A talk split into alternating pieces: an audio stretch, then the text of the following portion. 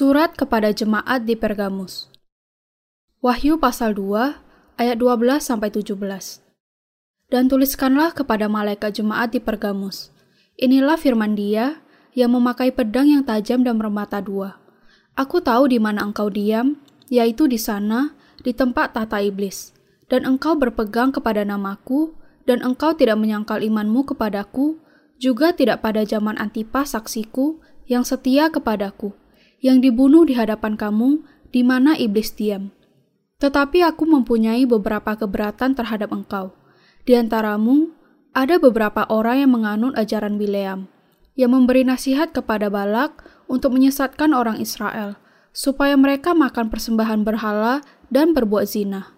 Demikian juga ada padamu orang-orang yang berpegang kepada ajaran pengikut Nikolaus. Sebab itu, bertobatlah. Jika tidak demikian, Aku akan segera datang kepadamu, dan aku akan memerangi mereka dengan pedang yang di mulutku ini. Siapa bertelinga, hendaklah ia mendengarkan apa yang dikatakan roh kepada jemaat-jemaat.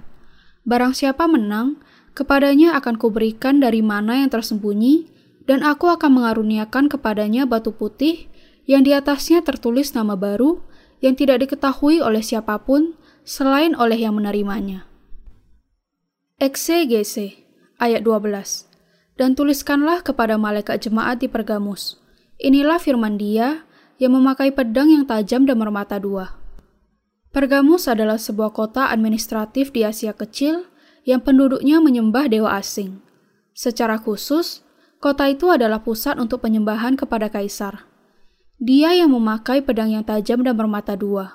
Berarti bahwa Tuhan berperang melawan musuh-musuh Allah. Ayat 13. Aku tahu di mana engkau diam, yaitu di sana, di tempat tata iblis, dan engkau berpegang kepada namaku. Dan engkau tidak menyangkal imanmu kepadaku, juga tidak pada zaman Antipas saksiku, yang setia kepadaku, yang dibunuh di hadapan kamu, di mana iblis diam. Ketika Pergamus adalah sebuah tempat penyembahan kepada kaisar yang kuat, di situ juga menjadi tempat di mana seorang hamba Allah yang bernama Antipas menjadi martir karena menolak menyembah kaisar dan mempertahankan imannya kepada Tuhan. Saatnya akan datang sekali lagi bahwa manusia akan dipaksa untuk menyembah antikristus, tetapi orang-orang kudus dan para hamba Allah akan mempertahankan iman mereka sampai akhir, sama seperti Antipas sudah mempertahankan imannya sampai mengorbankan kehidupannya.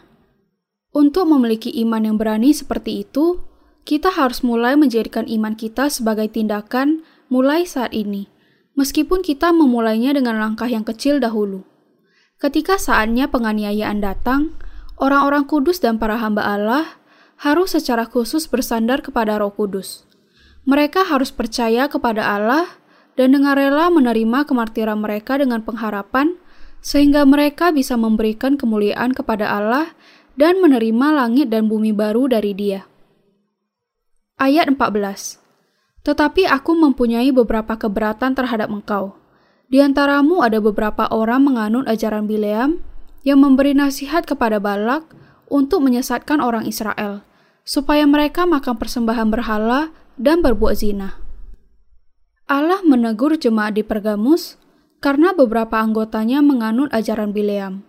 Bileam adalah seorang nabi palsu yang membawa bangsa Israel menjauh dari Allah dan membuat mereka menjadi penyembah berhala dengan menggoda mereka untuk menjalin hubungan dengan para imam, wanita bangsa lain yang menyembah berhala.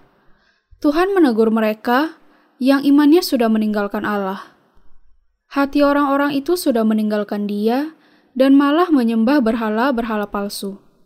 Dan dosa penyembahan berhala adalah dosa yang paling besar di hadapan Allah. Ayat 15. Demikian juga, ada padamu orang-orang yang berpegang kepada ajaran pengikut Nikolaus. Kata Nikolaus dan Bileam di dalam Alkitab pada dasarnya sinonim yang berarti mereka yang membujuk orang-orang. Ketika Allah mengatakan bahwa ada orang-orang yang berpegang kepada ajaran pengikut Nikolaus, ini adalah cara lain untuk mengatakan bahwa jemaat Allah harus menolak orang-orang yang memegang doktrin Bileam. Mereka yang mengikuti doktrin-doktrin Nikolaus dan Bileam adalah orang-orang yang mengejar keuntungan materi dan penyembahan berhala. orang-orang itu tentu saja harus dijauhkan dari gereja Allah. Ayat 16 Sebab itu, bertobatlah. Jika tidak demikian, aku akan segera datang kepadamu, dan aku akan memerangi mereka dengan pedang yang di mulutku ini.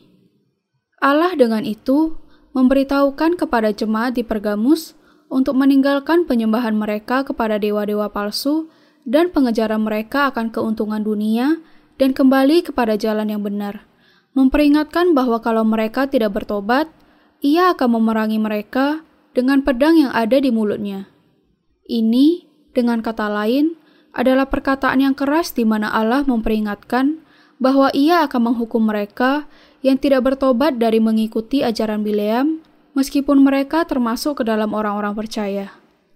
Mereka yang mendengar peringatan Allah dan kembali kepadanya akan hidup, baik secara fisik maupun rohani. Tetapi mereka yang tidak berarti sedang memasangi dirinya untuk menerima kebinasaan bagi fisik maupun rohaninya. Supaya orang-orang kudus dan para hamba Allah berbahagia di dalam kehidupan di dunia ini dan selanjutnya, mereka harus mendengar firman Allah dan mengikuti Tuhan dengan iman mereka. Ayat 17 Siapa bertelinga, hendaklah ia mendengarkan apa yang dikatakan roh kepada jemaat-jemaat. Barang siapa menang, Kepadanya akan kuberikan dari mana yang tersembunyi, dan aku akan mengaruniakan kepadanya batu putih yang di atasnya tertulis nama baru yang tidak diketahui oleh siapa pun selain oleh yang menerimanya. Orang-orang kudus yang sesungguhnya akan menyambut bahkan kemartiran mereka sendiri.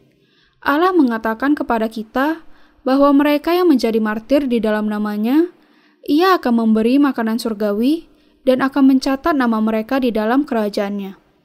Supaya kita hidup secara fisik dan rohani, kita harus mendengar apa yang dikatakan Roh Kudus kepada jemaat Allah. Kepada mereka yang sudah mengalahkan, yaitu mereka yang menang dalam peperangan melawan para pengikut iblis, Allah akan memberikan kebenaran iman yang membebaskan mereka dari dosa, dan untuk iman mereka, Ia akan menuliskan nama mereka di dalam kitab kehidupan. Alkitab mengatakan berulang kali di dalam bagian yang lain bahwa mereka yang bertahan sampai akhir akan menerima keselamatan. Orang-orang kudus, dengan kata lain, perlu bersabar di zaman akhir sehingga mereka bisa mempertahankan iman mereka kepada Injil air dan Roh. Nama mereka yang dilahirkan kembali tertulis di dalam kitab kehidupan.